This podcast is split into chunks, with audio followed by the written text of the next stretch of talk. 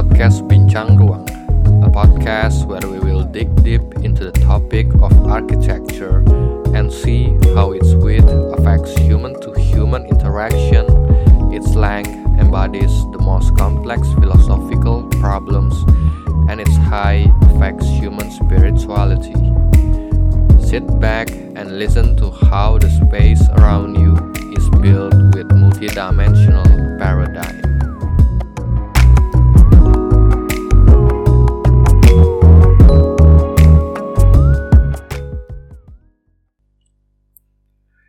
Halo, kembali lagi bersama gue di podcast Bincang Ruang. Oke, apa kabar lu semua? Ini udah pertengahan Desember dan sebentar lagi udah ganti tahun. Dan gue nggak tahu ya, gue berasa tahun ini tuh terasa cepat berlalu sekali ya. Perasaan baru kemarin itu Januari, dan baru mulai uh, diperkenalkan dengan COVID-19 dan masuk ke Februari, Maret, karantina, eh sorry bukan karantina, hmm, apa itu namanya? PSBB uh, eh, dan lain-lain, Februari, Maret, April, Mei, kemudian work from home dan nggak tahu. Tiba-tiba satu tahun aja sudah terlewati seperti nggak ngelakuin apa-apa dan tiba-tiba udah satu tahun aja. Nggak tahu. Ya mungkin inilah ya maksudnya Albert Einstein gitu uh, waktu itu relatif. Mungkin ya karena ada begitu banyak ancaman dan keadaannya sangat tegang dan hmm, ya begitu ya ada ancaman dan jadi waktu terasa warping gitu cepat banget berlalu dan tiba-tiba udah Desember dan tiba-tiba udah mau uh, berganti tahun Gimana lu semua? Gue harap kalian yang mendengarkan sehat-sehat sekeluarga dan bisa aman selalu dari COVID dan tetap mm, melaksanakan protokol-protokol kesehatan untuk menjaga diri lu sendiri dan keluarga-keluarga lu. Uh,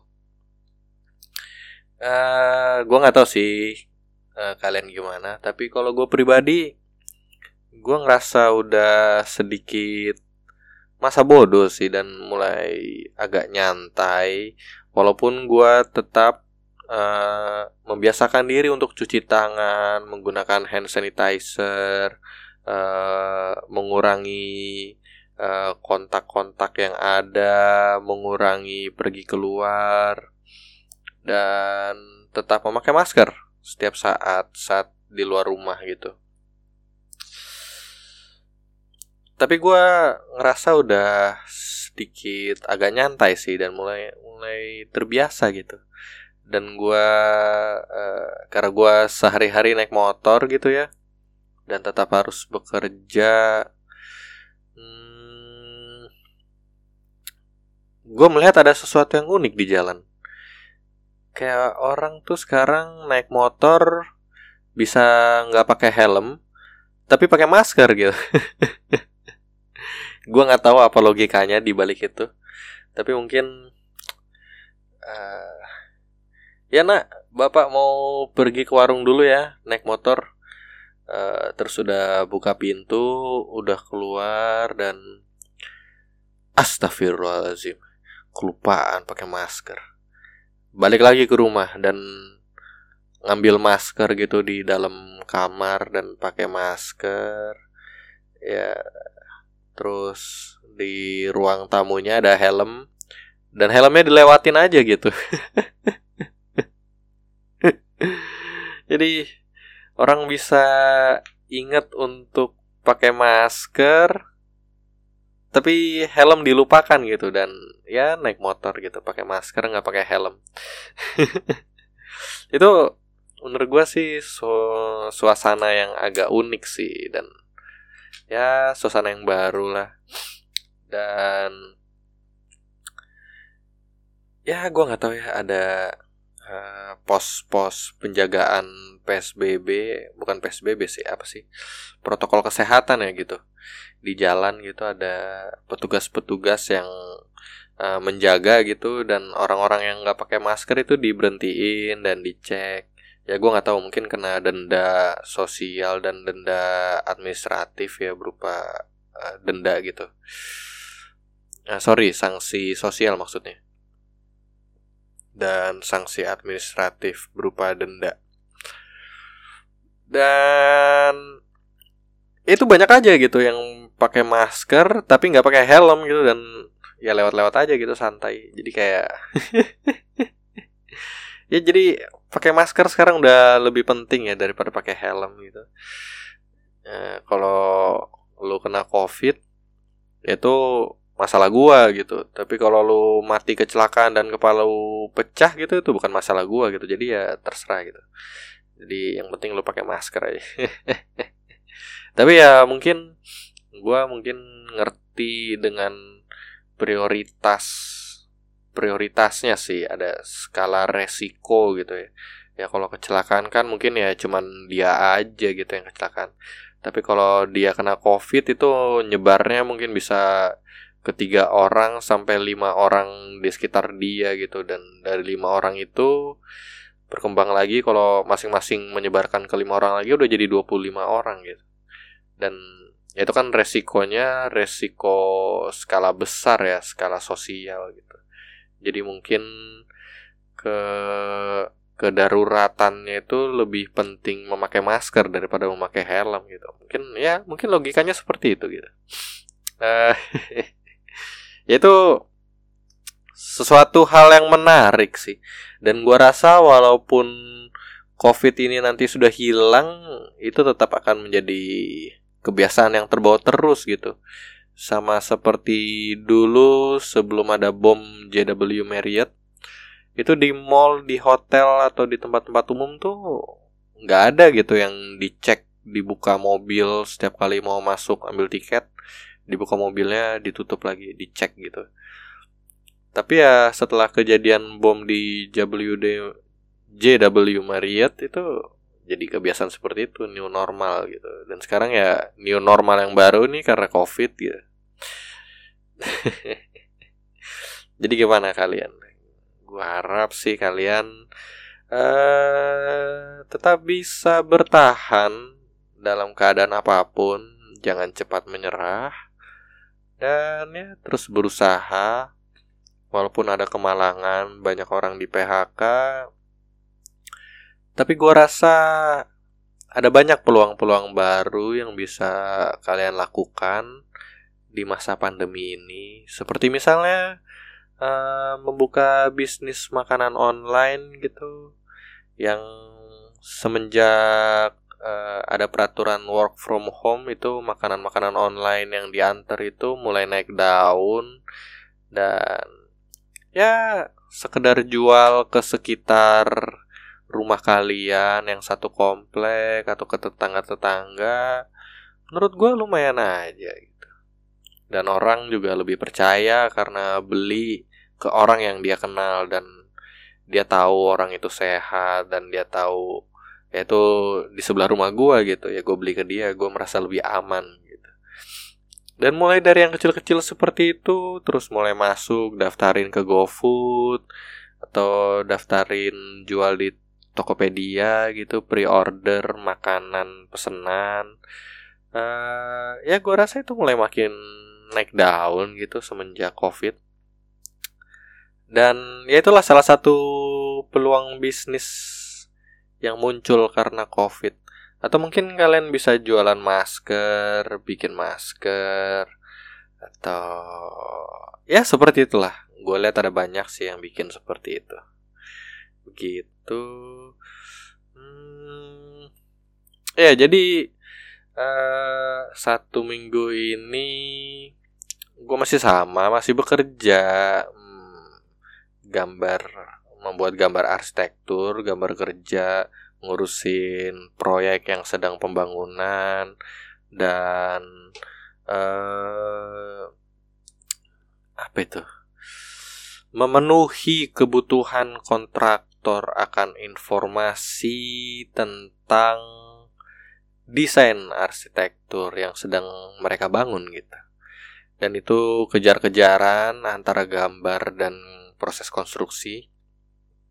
Jadi lumayan hektik satu minggu ini dan gue sempat kepikiran sih uh, tentang dinamika dalam uh, bekerja konsultan arsitektur gitu. uh, eh, gue lihat dari tipe-tipe orangnya sih. Gue melihat ada kalau gue general generalisasi ada dua tipe orang uh, dalam bidang arsitektur ya.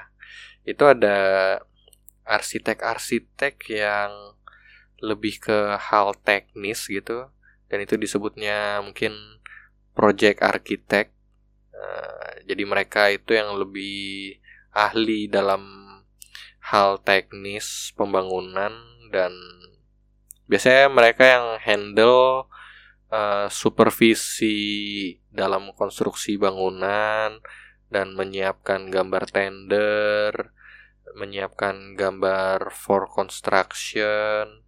Jadi mereka udah tahu tuh detail-detail pembangunannya seperti apa gitu. Dan mereka bisa tuangkan di dalam gambar ataupun bisa melalui verbal gitu uh, memberi keterangan kepada kontraktor yang sedang bekerja ataupun tukang ataupun mandor yang bekerja gitu.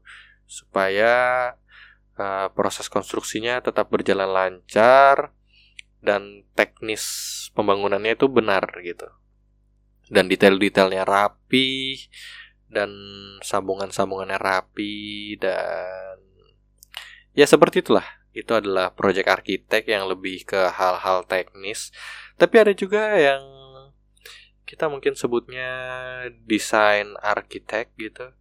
Itu adalah arsitek-arsitek yang lebih ke proses desain dan cenderung lebih eksploratif dan cenderung walaupun mereka mempertimbangkan aspek-aspek teknis pembangunan, apakah ini mungkin dibangun apakah tidak, tapi mereka cenderung tidak mau saklek ngikutin teknis gitu. Dia mau mencoba lebih eksploratif dan mencoba mendorong garis-garis teknis gitu. Yang biasanya itu harusnya seperti A dia mau coba dorong nih. Bisa nggak nih kalau B? Gue gue coba dorong ke B kalau B udah bisa dia coba dorong lagi ke C.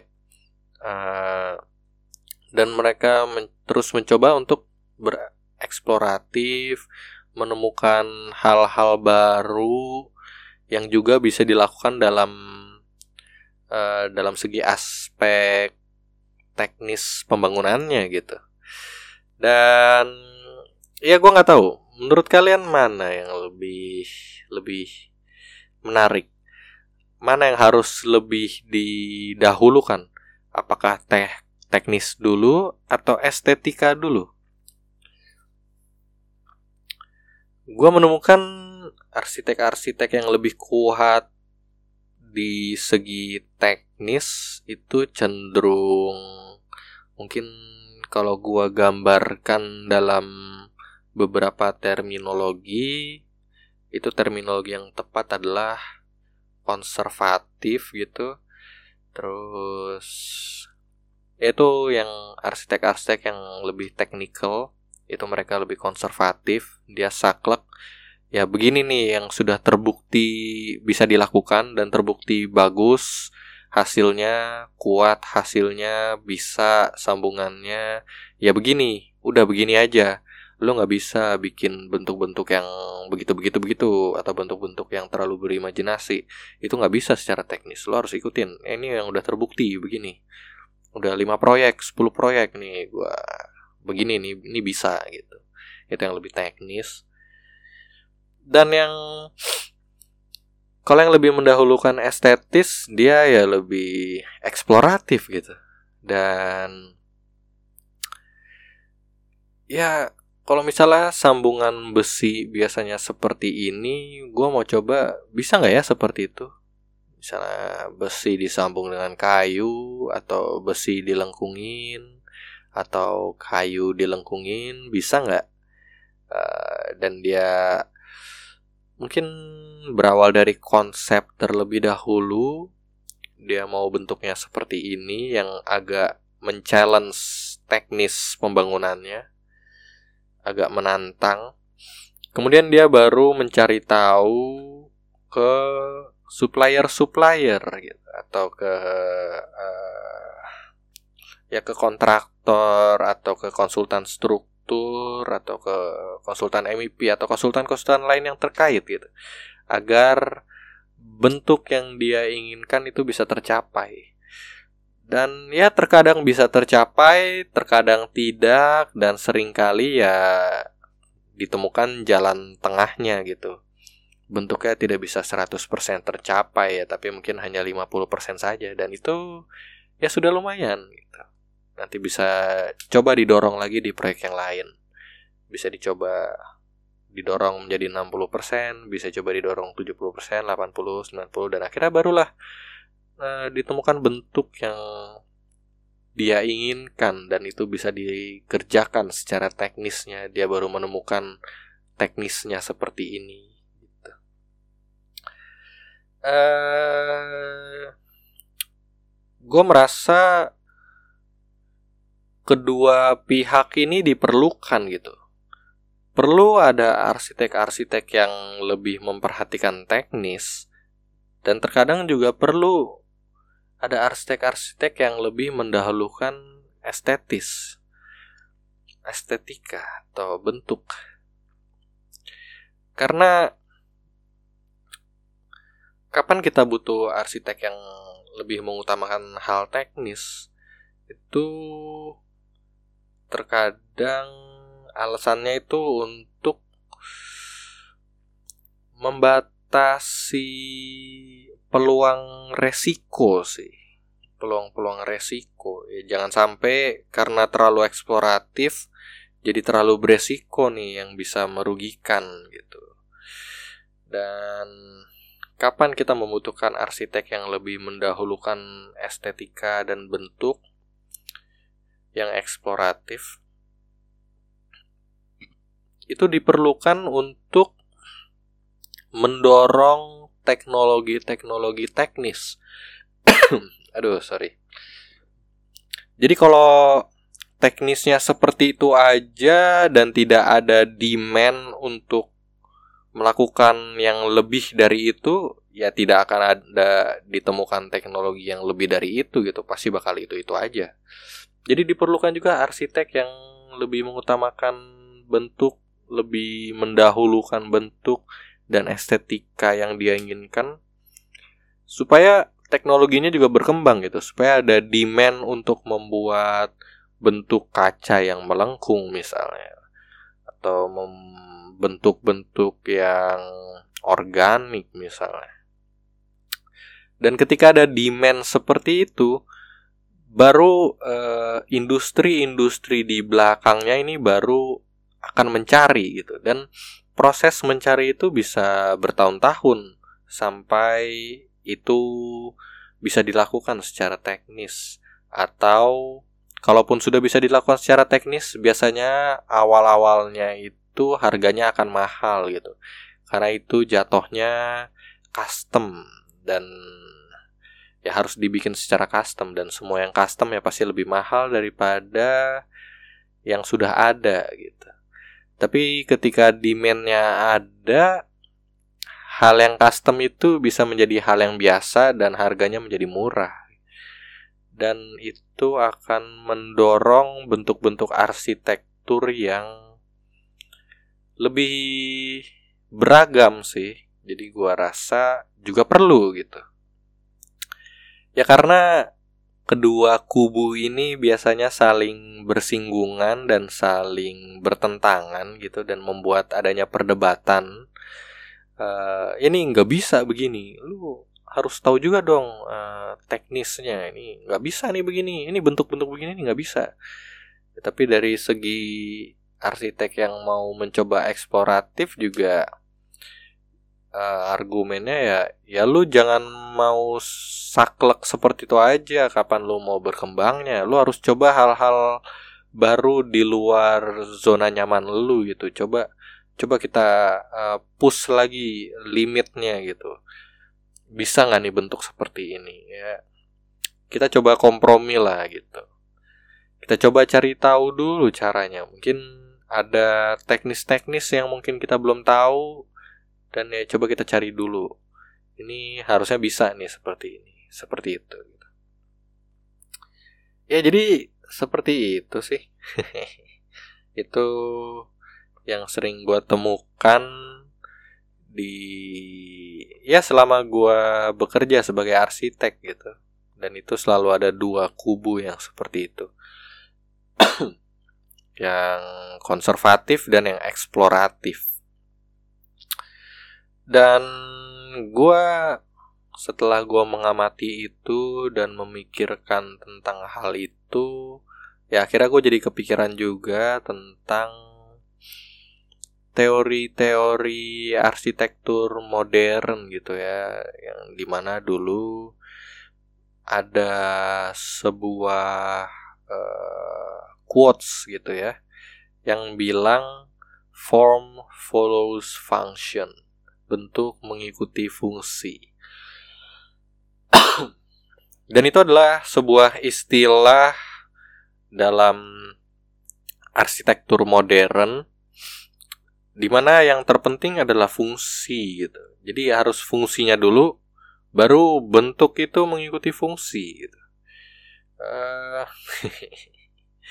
sangat saklek, sangat pragmatis, sangat logik, sangat thinking sekali gitu quotesnya dan ya mungkin itu relevan pada zamannya. Jadi gue baru berdiskusi dengan teman kerja gue dan mungkin di episode gue sebelumnya gue pernah membahas tentang arsitektur modern dan uh, eh, gue baru tahu ternyata arsitektur modern itu lahir dari semangat bahwa arsitektur itu bisa untuk semua orang gitu.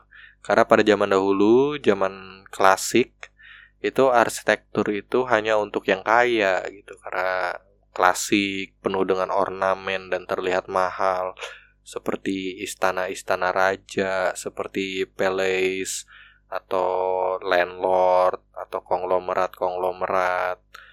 Dan itulah arsitektur klasik kan pada zaman itu dan akhirnya muncullah gerakan arsitektur modern yang menyorakan bahwa semua orang bisa kok uh, menikmati arsitektur.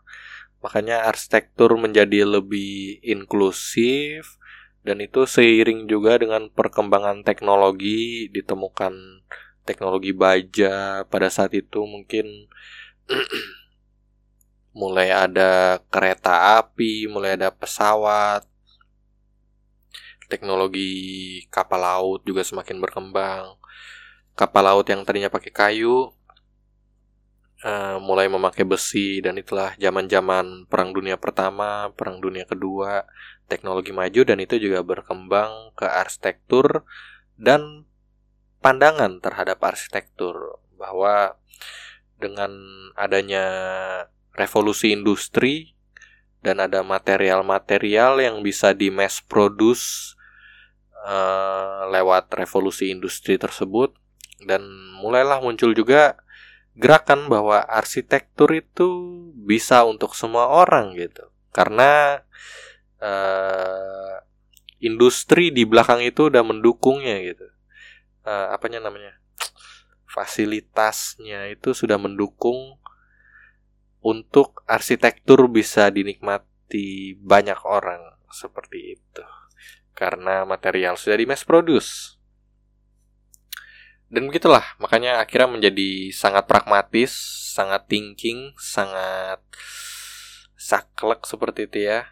Bentuk itu mengikuti fungsi. Jadi yang terpenting adalah fungsinya dulu baru bentuknya mengikuti fungsi dan Dan seiring berkembangnya zaman itu menuai banyak kritik gitu. Dan sampai akhirnya pada zaman sekarang uh, di zaman 2020 hehe zaman masa depan ini yang sangat distopia itu mulai banyak pemikiran yang menentang arsitektur modern itu sih dan salah satu contohnya ada salah satu contohnya aja itu ada namanya mobil merek Fiat itu tipe yang multipla namanya jadi Fiat Multipla. Dia desain dengan uh, uh, keinginan atau desire atau kebutuhan agar enam orang muat di dalam satu mobil dan enam orang itu duduk di dalam dua baris saja. Jadi tidak mau tiga baris.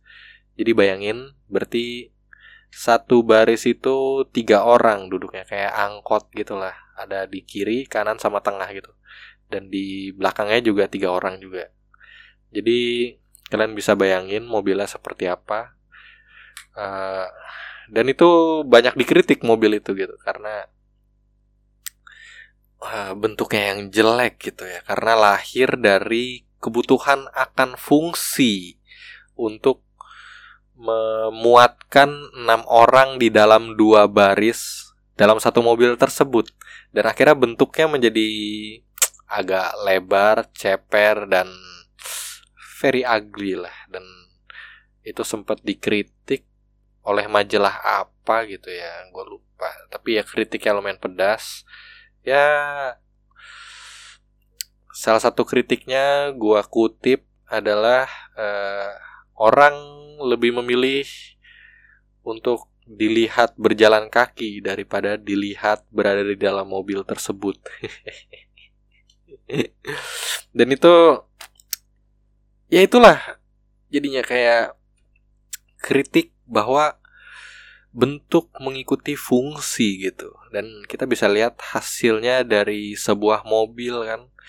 Dari uh, karena fungsi dan kebutuhan akan fungsi tersebut untuk memuatkan enam orang yaitu ya bentuknya seperti itu aja. Karena emang lu cuman mem mementingkan fungsinya kan yang bisa memasukkan enam orang dalam dua baris gitu dan itu bisa ditarik juga ke hmm, pakaian yang kalian pakai gitu.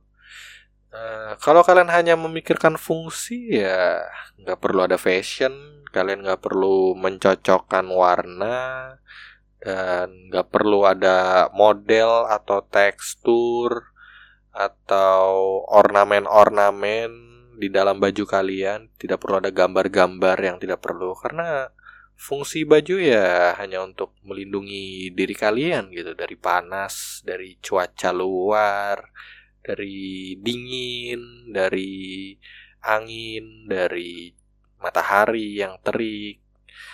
Dan ya itulah fungsinya baju gitu kan dan untuk juga menutupi aurat gitu kan. Ya kalau bentuk mengikuti fungsi ya tidak ada yang namanya fashion. Gitu. Ya cukup memakai apa yang perlu gitu kan. Memakai kain-kain polos aja gitu yang penting tertutup dan yang penting terlindung dan itu sudah memenuhi fungsi sebuah baju gitu dan kita coba tarik ke arsitektur ke bangunan bagaimana ceritanya kalau sebuah bangunan itu form follows function jadi bentuk mengikuti fungsinya gitu itu pasti akan mematikan arsitektur itu sendiri gitu karena terlalu thinking ya. Padahal arsitektur itu kan juga menyangkut feeling ya, dan menyangkut seni dan bukan hanya technical saja. Di, di situ ada keindahannya, ada centil-centilnya, ada menggambarkan perasaan, menggambarkan feeling.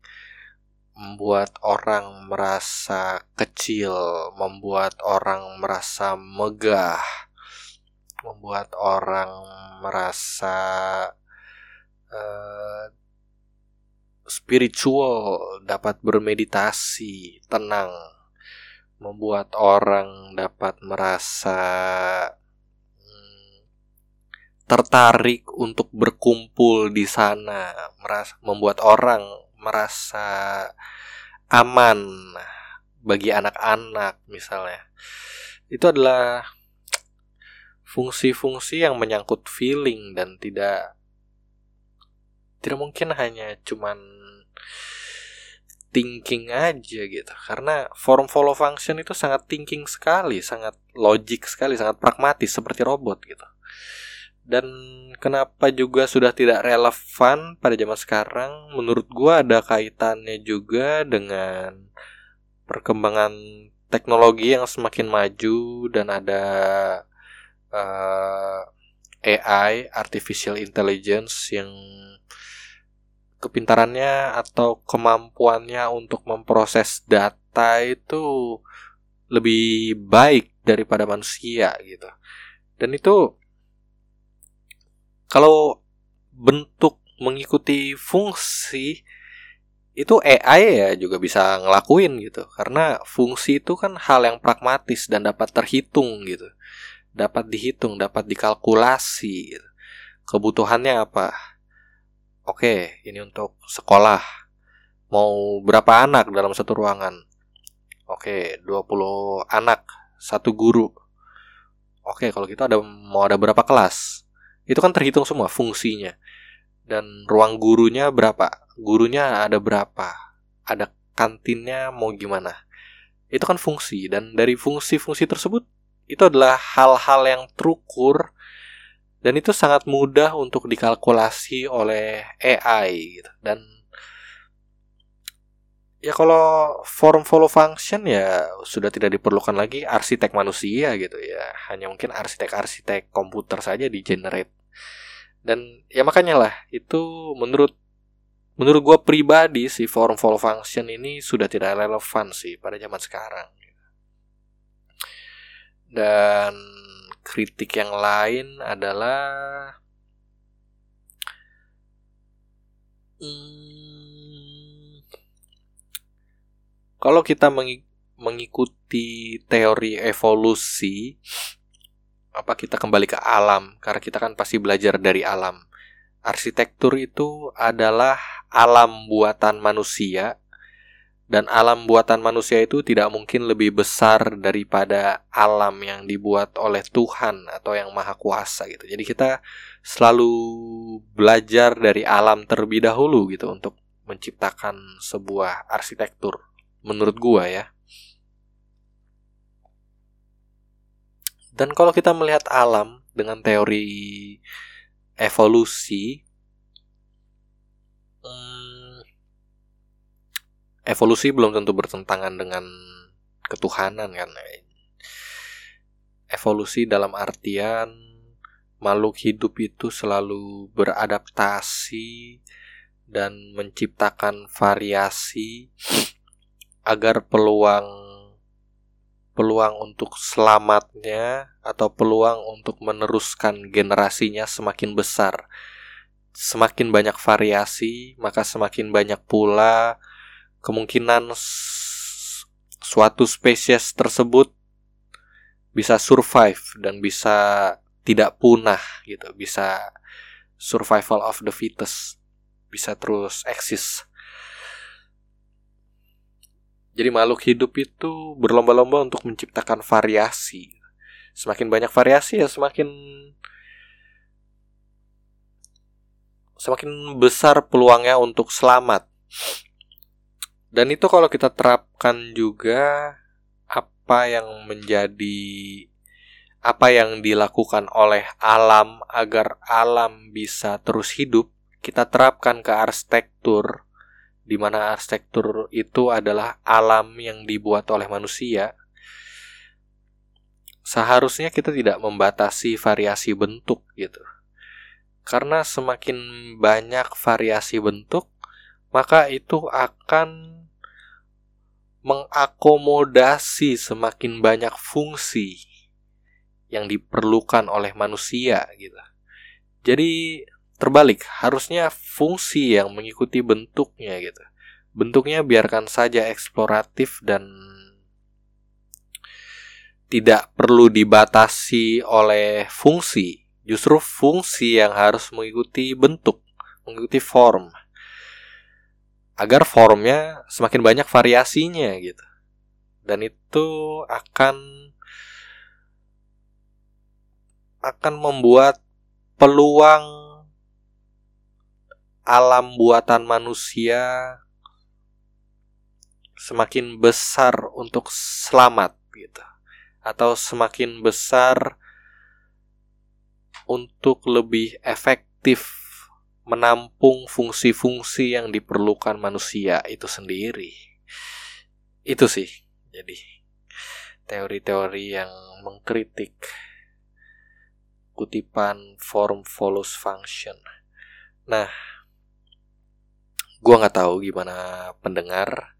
Menurut kalian, ya gua nggak tahu sih pendengar ini apakah kalian itu juga arsitek juga, atau mungkin pendengar umum ya mungkin kalau pendengar umum ya sekedar berbagi pikiran saja karena ini bisa diterapkan ke hal-hal lain juga.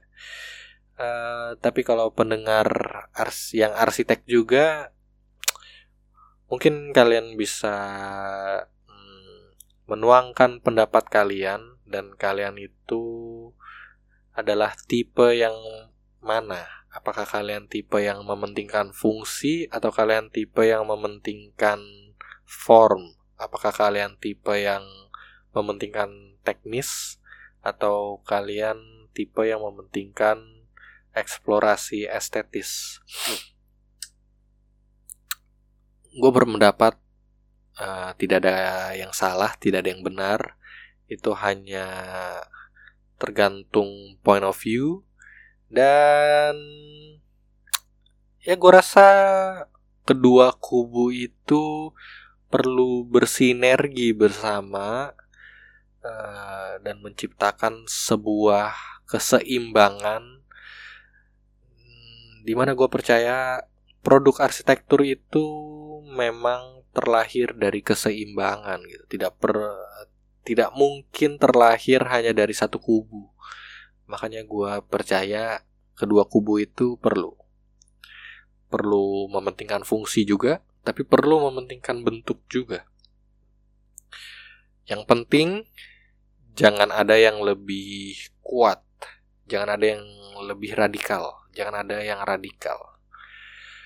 Uh, cukup seperlunya dan bersinergi bersama untuk menciptakan satu bentuk yang sempurna ya filosofisnya sih seperti matahari itu menggambarkan laki-laki dan bulan itu menggambarkan wanita atau mungkin matahari itu maskulin dan bulan itu feminin. Makanya ketika gerhana di mana matahari bersatu dengan bulan itu menggambarkan persatuan antara masculinity dan femininity. Dan itu menciptakan sebuah bentuk yang sempurna. Dan dibalik pemikiran atau filosofi tersebutlah maka culture manusia itu banyak yang melakukan kegiatan spesial pada masa gerhana gitu. Gue lupa gerhana matahari atau gerhana bulan ya. Yang penting matahari dan bulan align di satu garis dan itu menggambarkan menyatunya femininity dan masculinity. Dua kubu yang bertentangan bersatu menciptakan sebuah keadaan atau sebuah kondisi yang sempurna. Dan itulah yang gue percaya dengan adanya keseimbangan saling bersinergi antar dua kubu untuk menciptakan kesempurnaan dan dibalik filosofi pemikiran seperti itulah gue selalu percaya akan balance keseimbangan Tidak boleh ada yang radikal hanya tertuju pada satu kubu. Tidak boleh. Gue percaya dua kubu perlu disatukan dan perlu bersinergi bersama, lain menjadi satu garis hmm, sejajar dalam satu garis. Dan di situlah menciptakan uh, sesuatu yang sempurna gitu. Dan filosofi yang sama juga itu yang diterapkan uh, pada makna sebuah pernikahan di mana sebuah pernikahan itu adalah menyatunya sosok maskulin dan sosok feminin. Dan itulah yang menjadi uh, satu kesatuan atau menjadi satu entity, menjadi satu organisme, menjadi satu daging, menjadi satu makhluk gitu yang sempurna, yang lebih sempurna. Dan di balik filosofi itulah makanya kesakralan pernikahan dan kemuliaan sebuah pernikahan itu seharusnya masih terjaga sih sekarang. Karena ada sifat maskulin, ada sifat feminin dan menyatu menjadi satu organisme yang disebut keluarga atau pernikahan. Dan ketika sudah sempurna menjadi satu organisme, menjadi satu entiti yang sempurna dan penuh dengan keseimbangan, barulah se sebuah makhluk ini dipercayakan untuk uh, untuk menjaga makhluk lain yang berupa anak. barulah dipercaya untuk dianugerahi uh, tanggung jawab untuk menjaga seorang makhluk ekstra di dalam dunia ini. Jadi itulah filosofinya. Gimana? Uh, dalam ya, dalam ya. ya gue nggak tahu sih. Mungkin ini sebenarnya filosofi yang cukup umum, tapi jarang dipikirkan secara level filosofis karena jarang dipikirkan dalam level filosofis, maka jadi agak tervulgarisasi oleh culture pop. Makanya kan kita sering menemukan istilah uh, aku tidak lengkap kalau belum ada pasangan. Dan itu kayak ih jijik banget sih kayak ya ya kan? Itu kayak ABG ABG yang masih labil gitu. Padahal dalam dalam level filosofis itu sebenarnya itu benar. Dan itu lahir menurut gua itu lahir dari insting atau lahir dari desire untuk setiap individu itu menjadi sempurna, menjadi lebih sempurna.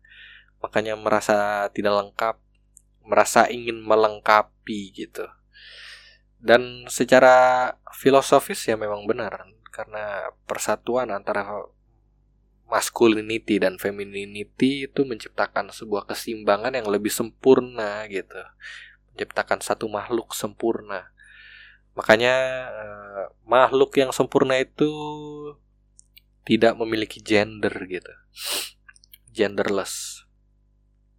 Seperti ya sosok Tuhan gitu. Sosok Tuhan itu tidak memiliki gender kan seharusnya. Karena dia adalah sosok yang sempurna dan tidak dibatasi oleh gender gitu tidak dibatasi oleh hal-hal duniawi gitu kan. Jadi itulah uh, filosofisnya. Ya walaupun secara praktikal itu mungkin berbeda ya. Ketika orang merasa belum lengkap ya seharusnya lengkapi diri dulu barulah nanti berbagi kelengkapan dengan orang lain. Makanya Jangan mengharapkan kelengkapan dari orang lain, tapi berbagilah kelengkapan diri si diri sendiri ke orang lain supaya saling berbagi kelengkapan dan itu menciptakan sebuah kesempurnaan. Jadi gimana? Pada episode kali ini mungkin agak filosofis ya.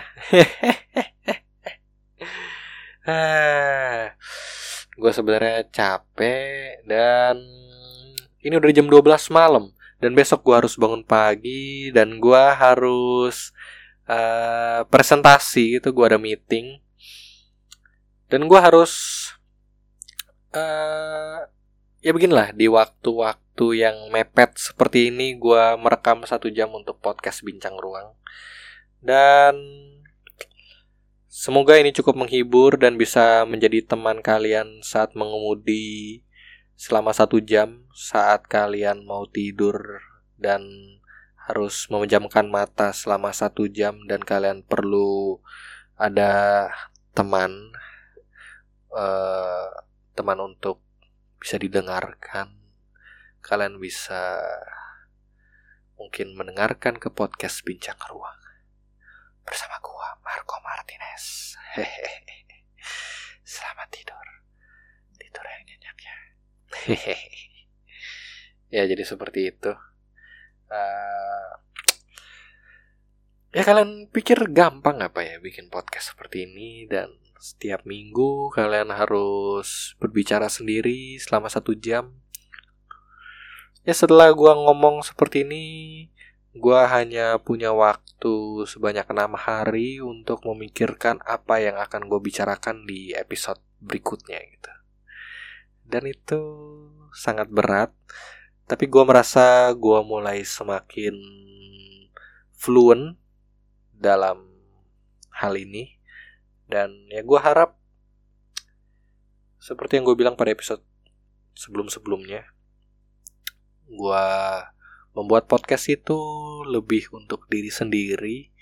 Gua mau mencoba mengaktualisasikan diri, gua mau mencoba terapi diri sendiri, gua mau melatih kemampuan gua untuk public speaking, gua mau melatih uh, runtutan pemikiran dan runtutan pembicaraan, runtutan speech.